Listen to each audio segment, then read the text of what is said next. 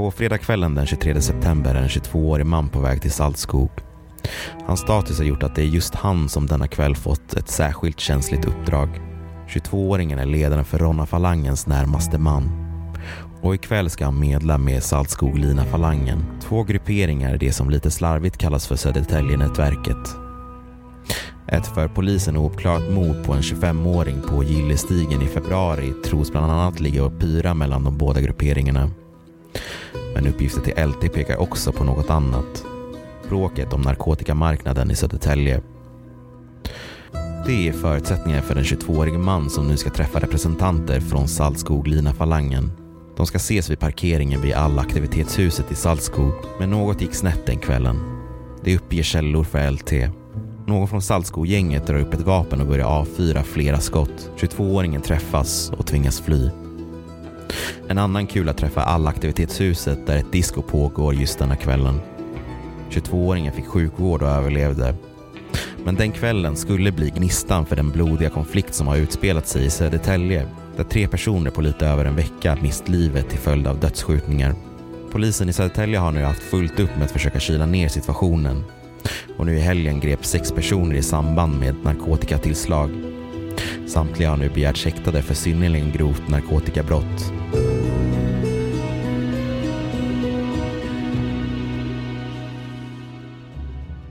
Här är Studio Krim och mitt namn är Ricardo Burrows. Jag sitter här tillsammans med LTs krimreporter Torbjörn Granström. Tjena! Tja! Tobbe, mötet vid Saltskog blev början på den senaste tidens oroligheter i Södertälje. Vad är det som har hänt sedan dess? Ja, efter de, den skjutningen i Saltskog så har ju våldsspiralen satt igång rätt rejält, vilket har fått ju eh, rejäl massmedial uppmärksamhet.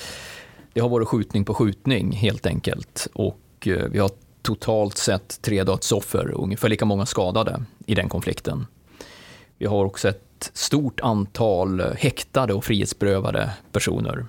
Eh, idag, senare idag, ska väl sex, sju personer häktas eh, som tillhör den ena falangen. Eller framför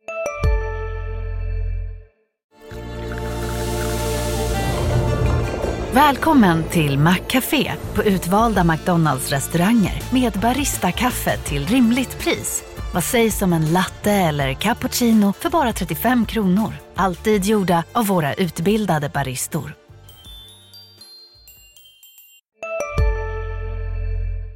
allt. Eh, större delen av dem i alla fall. Mm. Idag är det 19 oktober för den som undrar. Ja. Det som hände där i Saltskog var helt enkelt eh, bokstavligen startskottet på den konflikt som eh, eh, har rasat mellan två enkelt uttryckt falanger av det som tidigare var Södertäljenätverket. Tidigare var ju Södertäljenätverket väldigt stort. Man pratade om över ett hundratal individer som polisen har kopplat till det här nätverket. Och det har fragmenterats och försvagats genom eh, de senaste två åren kan man väl säga, eller kanske ännu mer, tre, två, tre åren. Men, eh, och effekten eh, ser vi nu när olika fraktioner krigar mot varandra. Du nämner falanger och att de ligger i konflikt och så, men här gjordes det ändå ett försök att förhandla. Varför gjorde man det? Det är en bra fråga, det försöker vi också gräva i och ta reda på och vi har ju fått en del uppgifter om det, bland annat från polisen. Och en sådan är ju att personen var där för att förhandla om en konflikt som egentligen hade sin grund i narkotikamarknaden. Man var förbannad helt enkelt över att vissa hade ryckt åt sig en stor del av marknaden och att man hade tagit in narkotika utifrån och dumpat priser och sånt. Den typen av uppgifter florerar. Och man eh, eller den typen av uppgifter är, är rätt konkreta.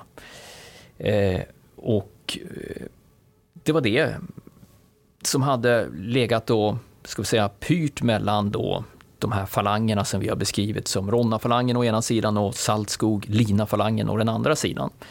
För förhandlingen slutade ju som sagt i skottlossning och det dröjde egentligen bara sju dagar innan en 19-åring eh, sköts till döds utanför Rösberga förskolecenter här i Södertälje. Vad hade det dödsfallet med konflikten att göra? Först och främst, den personen från Ronna-falangen som blev skjuten har beskrivits som eh, en person som står högt i hierarkin i, i Ronna-falangen. 22-åringen pratar Ja. om då. Ja. Han klarade sig och flydde från platsen. Vittnen såg hur personer sprang därifrån.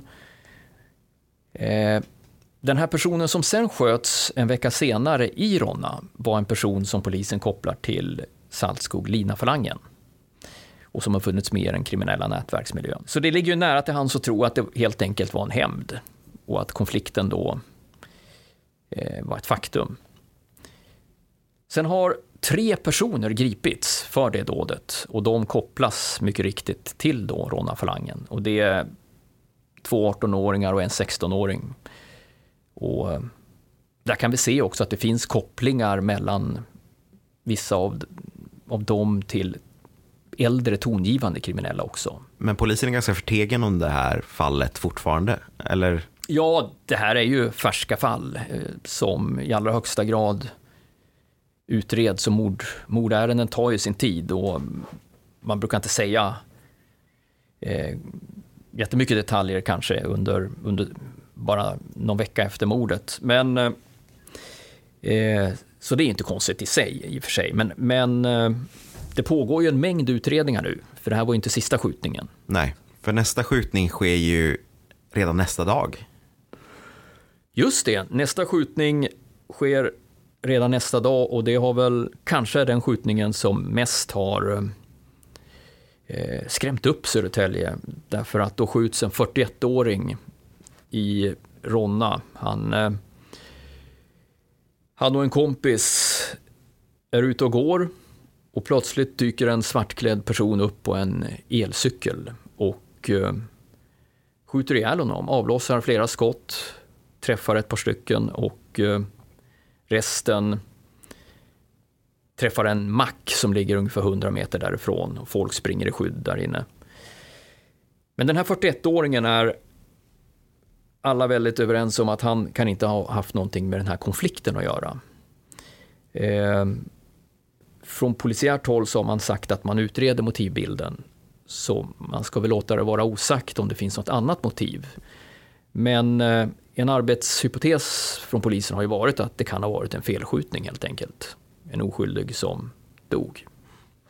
Varför är det så svårt att hitta motivet? Alltså om polisen fortfarande försöker leta motiv till den här skjutningen. Ja, det är nog helt enkelt för att de, eh, det är ingen som säger något. Det polisen, de gripna säger ju ingenting. Oftast är det ju bara inga kommentarer eller sitter bara tyst och utnyttjar sin rätt att vara tyst i polisförhör för att sen se vad eventuellt polisen har kommit fram till i sin förundersökning och sen anpassa sin historia efter det. Men eh, så polisen har ju egentligen bara tips och pusselläggande utifrån vad man tidigare vet och, och jobba utifrån olika hypoteser. Och, men sen är ju heller inte motivbilden det helt avgörande för att få någon fälld, utan det är ju att bevisa att den här personen faktiskt har tryckt av. Som att det är mördaren helt enkelt, gärningsmannen. Mm. Och där har jag uppfattningen om att man har ganska bra på fötter. Ehm, Men så sent som igår gick man ut med en bild ändå med, med mördaren, en, en väldigt diffus bild där man ser en svart person på en elcykel efter mordet. Och man efterlyste ju vittnen att komma in med vittnesiakttagelser därför att man vet att när den här skjutningen sker så passerar det många bilar, det är en taxibil bland annat. Och man vill att de chaufförerna då ska höra av sig. För mannen på cykeln är ju gripen. Vad, vad vet vi om han egentligen? En 17-årig person som greps ganska kort efter. Eh, man hittade cykeln i Lina, i ett av de här områdena. Eh, det är en 17-åring med en väldigt brokig bakgrund som har flyttat runt mellan eh, eh, ungdomshem eller familjehem. Som har eh, tvångsomhändertagits i unga år och som egentligen inte har någon koppling till Södertälje förrän just nu på slutet och därför är det väldigt intressant att se senare hur han har rekryterats in i den kriminella nätverksmiljön just här. En månad före det här hände så um, släpptes han från ett eh, SIS-hem och och eh, fick ett så kallat ungdomskontrakt av socialtjänsten. Han hade begått ett brott inne på det här SIS-hemmet men hans tid där var ändå slut och man tyckte att han skulle få komma ut under ledigare former. Mm. Vad innebär ett ungdomskontrakt? Ja, någon, någon slags liksom, kontakt, öppenvårdskontakt med, med socialtjänsten så att säga. Men som sagt, en månad senare så grips han misstänkt för det här mordet på 41-åringen. Det ska bli intressant att höra hur den här 17-åringen då har rekryterats till ja, men, det kriminella miljön i Södertälje utan att riktigt ha någon koppling till kommunen. Ja, ja men absolut. Och vi vet ju i alla fall att personen i fråga har rekryterats till den så kallade Saltskog-Lina-falangen. Och enligt uppgift så ska det vara äldre ledarpersoner där som, som står för den rekryteringen. Och det är ju inte helt ovanligt att väldigt unga personer används som redskap i både narkotikahantering och våldsutövning idag. Och det har med Sveriges lagar att göra, att man kommer lindra det undan eller var, varför använder man ungdomar just? Polisen själva säger ju att, ja dels har det ju det är ju inte, det är inte samma straff helt enkelt på yngre personer men eh, eh sen, sen, vet jag att polisen eh, själva har sagt att eh, det kanske å andra sidan inte är enbart liksom den kalkyleringen man har gjort utan man tar unga personer som är villiga i att, att jobba och skiter egentligen i konsekvenserna av om det går illa för de här personerna. De, de utför sina arbetsuppgifter rätt billigt och effektivt och vill visa sig liksom på tårna att de, de vill framåt. Liksom. Om vi går vidare så fem dagar senare så är det ytterligare en som, som går bort i en dödsskjutning. Den här gången i Mynstigen i Saltskog. Och det blir väl offer 51 av alla dödsskjutningar i Sverige. Eh, vad vet vi om det här fallet? Vi vet att eh, det dök upp ett par mopeder med fyra svartklädda personer. Det som sägs i alla fall. Med vapen som öppnade eld. Eh, och vi vet att eh, en person dog, 19-åring, och eh, en 16-åring skadesköts vid den, den här kvällen. Eh, det var enligt vissa då ett svar på den här skjutningen som kan ha varit en felskjutning eh, tidigare. Eh, oavsett om det var en felskjutning så var det i alla fall en signal om att den här personen som man visste tillhörde den andra falangen var där och sköt. Och således så, så var ju personen ute efter någon i alla fall.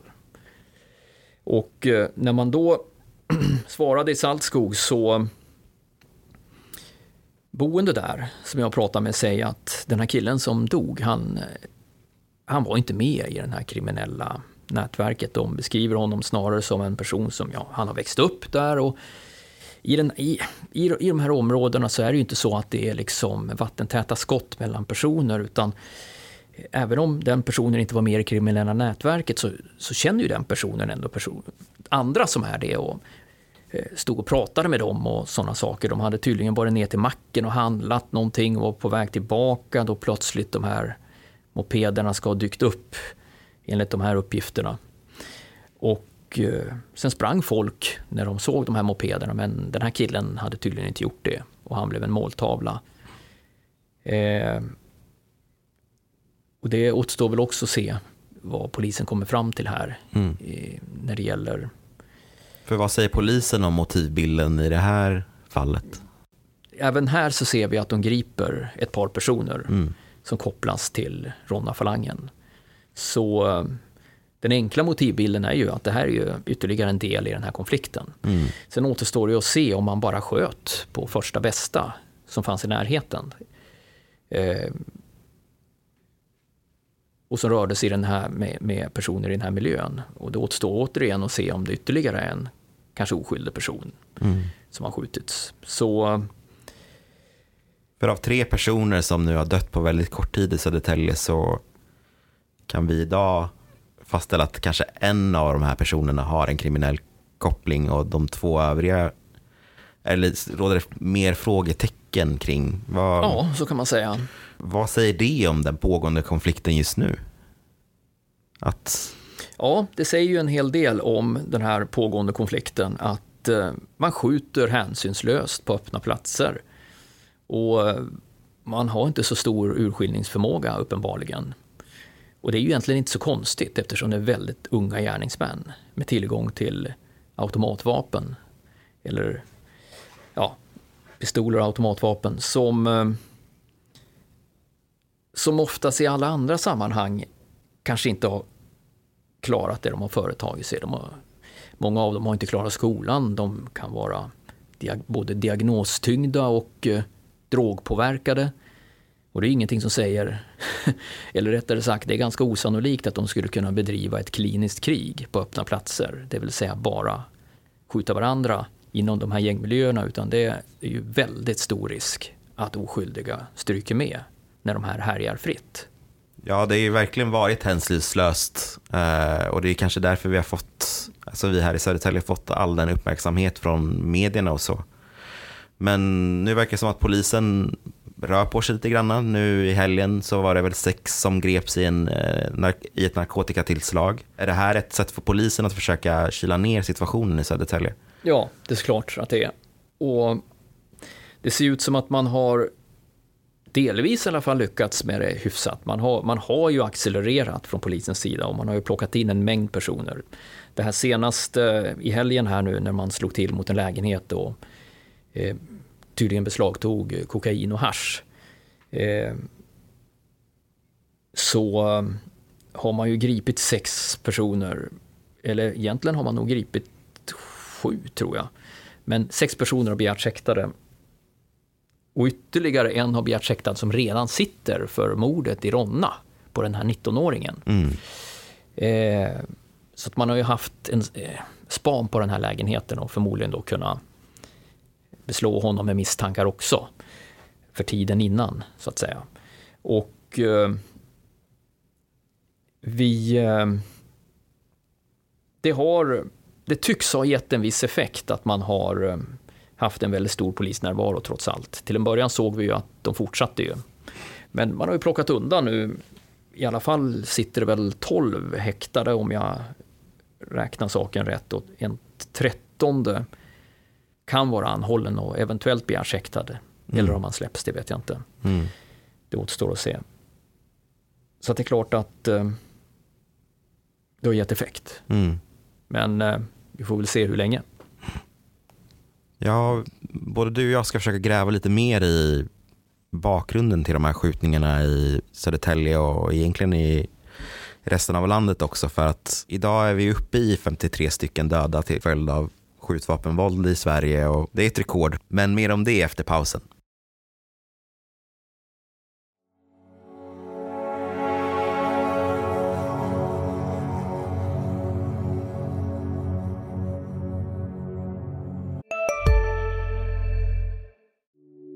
Hej, Ulf Kristersson här. På många sätt är det en mörk tid vi lever i. Men nu tar vi ett stort steg för att göra Sverige till en tryggare och säkrare plats. Sverige är nu medlem i Nato. En för alla, alla för en.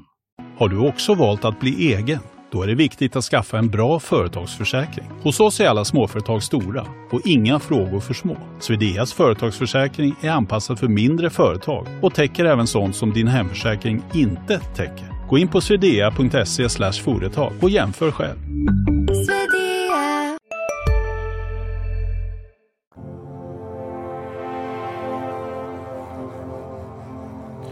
På torsdagsnatten den 22 september sköts en 25-åring ihjäl utanför ett köpcentrum i Kristianstad. Han blev den 48 i ordningen som föll offer för skjutvapenvåldet i Sverige och därmed slogs ett dystert rekord i antalet döda till följd av skjutningar i Sverige. Idag är den siffran uppe på 53 döda, där sex av offren har mördats i just Södertälje. Förra året släppte Brottsförebyggande rådet sin nya rapport som fastställde att det dödliga skjutvapenvåldet har ökat i Sverige sedan 2012. Från 17 fall då till dagens 53.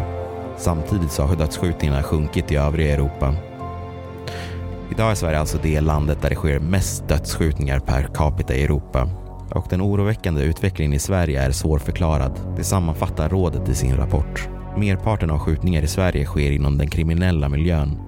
Och forskning visar att korta plötsliga uppgångar främst kan kopplas till konflikter kring illegala drogmarknader, kriminella gäng och bristande förtroende för rättsväsendet.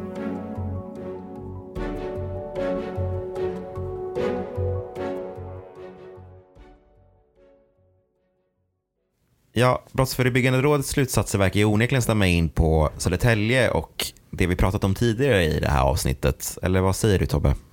Ja, vi ser ju att antalet dödsfall i Södertälje också toppar i år när det gäller skjutvapenvåld. Sex stycken och hittills är vi inte inne i november än. Eh, och vi ser ju likheter med Riks när det gäller exempelvis alla de här Encrochat-rättegångarna som har varit över landet och som har inneburit att väldigt många ledarpersoner och tongivande personer i nätverksmiljöerna har fängslats. Och det har skett ett snabbt generationsskifte kan man säga. Ett, eh, de här tomrummen har fyllts av yngre, eh, mer gränsöverskridande personer, mer hetlevrande personer och det är möjligt att vi ser effekten av det nu. För det som hände var att det var fransk polis som lyckades knäcka den här krypterade chatttjänsten som kriminella använder sig av som då heter Encrochat. Ja, och det Där... finns andra också. Andra mm. krypterade tjänster som har knäckts. Mm. För där har vi i mångt och mycket kunnat läsa hur folk inom nätverket har diskuterat med varandra. Oh ja, det är väldigt intressant att läsa hur man gör upp grova brott, diskuterar grova brott och framförallt narkotikaaffärer. Och man har fått, inblicken man får är ju att narkotikan verkligen flödar in i Södertälje. Det, det fick ju också polisen att omvärdera hur stora mängder som har kommit in i landet. Och det är avsevärt eh, mycket större än vad man tidigare trodde. Man pratar ju om eh, industriell produktion närmast, höll jag på att säga, med, med narkotika som flödar in. Eh, och det är naturligtvis också en faktor som jag tror påverkar möjligheten att hålla ihop nätverk, i alla fall av den storleken som Södertälje-nätverket var. Vi pratar om ett väldigt stort kriminellt nätverk som, som, som har hållit ihop trots att det har haft ganska lösa strukturer. Man har i alla fall inte dödat varandra och varit så oeniga som man är nu. Men eh, i en tid när nästan vem som helst kan fixa narkotika och sälja och kanske dessutom göra bättre vinst än att gå via ledarpersoner i nätverket för att köpa in narkotikan och sälja. Då är det nog väldigt svårt att hålla ihop ett nätverk. Tidigare så kanske det mer var så att ledarpersonerna hade sina unika kontakter, att eh, de bidrog med ett större mervärde till alla andra. Att alla insåg fördelen. Hej, Synoptik här. Hos oss får du hjälp med att ta hand om din ögonhälsa. Med vår synundersökning kan vi upptäcka både synförändringar och tecken på vanliga ögonsjukdomar. Boka tid på synoptik.se. Big Mac har miljarder fans över hela världen. Under mer än 50 år har den skapat popkulturell historia. En legend med 100% nötkött och den mytomspunna såsen. Nu finns Big Mac för bara 39 kronor på McDonalds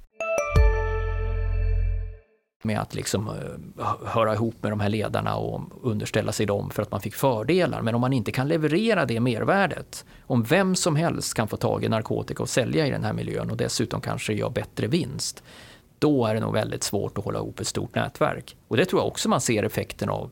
Narkotikan slår sönder strukturerna.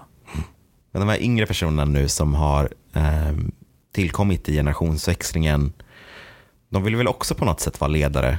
Eh, eller ja, vad händer då? Men de kan uppenbarligen inte fylla ut den ledarrollen. De, om det beror på att de inte kan, ska vi säga då, tillföra det här mervärdet till alla andra. Eh, eller om det beror på att ledaregenskaper brister eller om vad det nu beror på.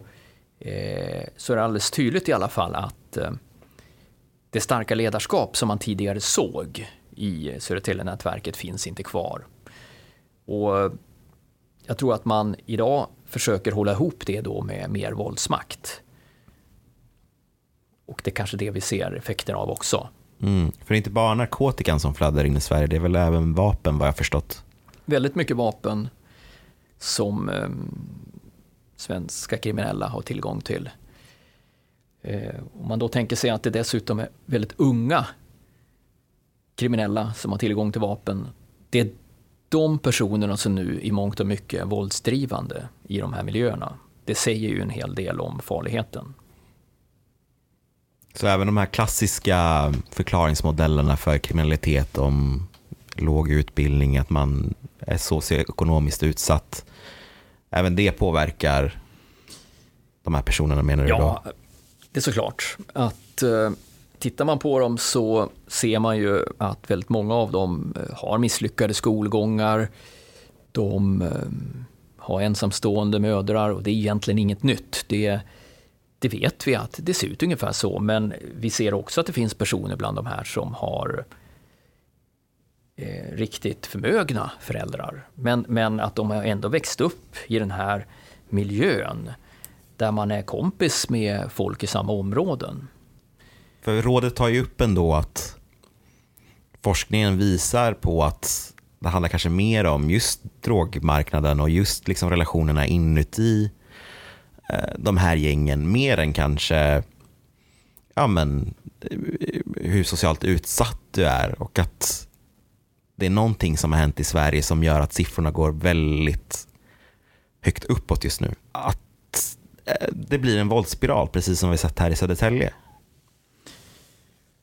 Ja, men jag tror att ännu en faktor i det här, det är nog gärningsmännens hänsynslöshet. Någonstans förklarar vi det här med strukturella faktorer hela tiden, men jag tror att när så pass många mord inte klaras upp och när det är så pass unga personer med vapen, eh, då blir det en väldigt farlig situation där man till slut drar slutsatsen att, att skjuta någon är en lösning. Man mm. kommer sannolikt undan. Om vi tänker oss att den typen av personer är de som befolkar nätverken framför allt. Eh, så är det inte särskilt mycket som krävs för att det ska bli en konflikt i den miljön. Och sen är spiralen igång. Men jag tror att det är en viss skillnad på, till exempel om man tittar på den organiserade brottsligheten i Tyskland, där man har mer klanbaserad brottslighet. Vi har pratat mycket om klanbaserad brottslighet i Sverige och det är väldigt samhällshotande och på, på, ett, på ett värre sätt många gånger. Men när det gäller att ska vi säga, hålla disciplin i leden så tror jag att den typen av strukturer är mer stabil än det vi ser i Sverige. Det vi ser de här unga personerna, drogpåverkade, eh, med trasiga bakgrunder, kanske från trasiga familjer med diagnoser, som har misslyckats skolgången. Den typen av personer som liksom krumpas ihop till ett nätverk och ska få det att fungera. Om man jämför det med, med de här mer stabila nätverken som kanske är mer då, ska vi säga, klanbaserade, så tror jag det också är en förklaring till att eh, vi ser så många mord och som, per capita i Sverige. Men vi ser det inte i Tyskland till exempel. Det är stabiliteten inom nätverken som är väldigt avgörande. Det är inte bara vad polisen gör och så, men det är också, det är såklart från, oerhört viktigt vad, om man kan klara upp de här brotten eller inte och få folk dömda, få folk att ha respekt för systemet så att säga. Det är självklart A och O, men jag tror också att det, det vi ser är också att stabiliteten i nätverken är också väldigt viktiga och det är det vi ser också i Södertälje-nätverket, att så länge man hade den här enigheten och monopolställningen som det har beskrivits om i polisens rapporter, då var det inte den här typen av mord vi såg. Vi såg skjutningar i ben och annat på folk som inte hade betalat sina skulder. Men det är ju dumt att skjuta ihjäl någon som är skyldig en pengar om vi säger så. För då får man ju inte in de där pengarna. Och det, det är ungefär där våldet var under några år, under ganska många år ska jag säga. Men nu har det så att säga förbytts. Och jag tror att vi, vi ser att det som tidigare var mer homogent har nu blivit mer heterogent på det sättet att nya individer har kommit in från andra bakgrunder som gör att det inte finns samma enighet och det är heller inte då samma höga tröskel att skjuta ihjäl varandra. Mm. Det här är en fråga som många kriminologer och många experter och folk i samhällsbärande positioner har försökt komma i bukt med. Och även vi här i Studio Krim eh, har ju idag pratat om, om skjutvåldet, men jag tror att det är en fråga som säkert kommer att fortsätta behöva diskuteras eh, innan vi på riktigt kan förstå varför skjutningarna ökat så mycket i Sverige. Och vi här på Studio Krim kommer nu i nio veckor framåt att diskutera just kriminalitet här i Södertälje, eh, både stort och smått, eh, med nya aktuella händelser om det som händer just i Södertälje eh, i veckan och lite mer djupgående samtal om ja, men, viss problematik som vi har både i Södertälje men i resten av Sverige. Jag hoppas att ni har Tyckte om det här avsnittet och, eh, och vi som gör programmet är Ricardo Burrows och LTs kriminalreporter Torbjörn Granström. Vi hörs nästa vecka.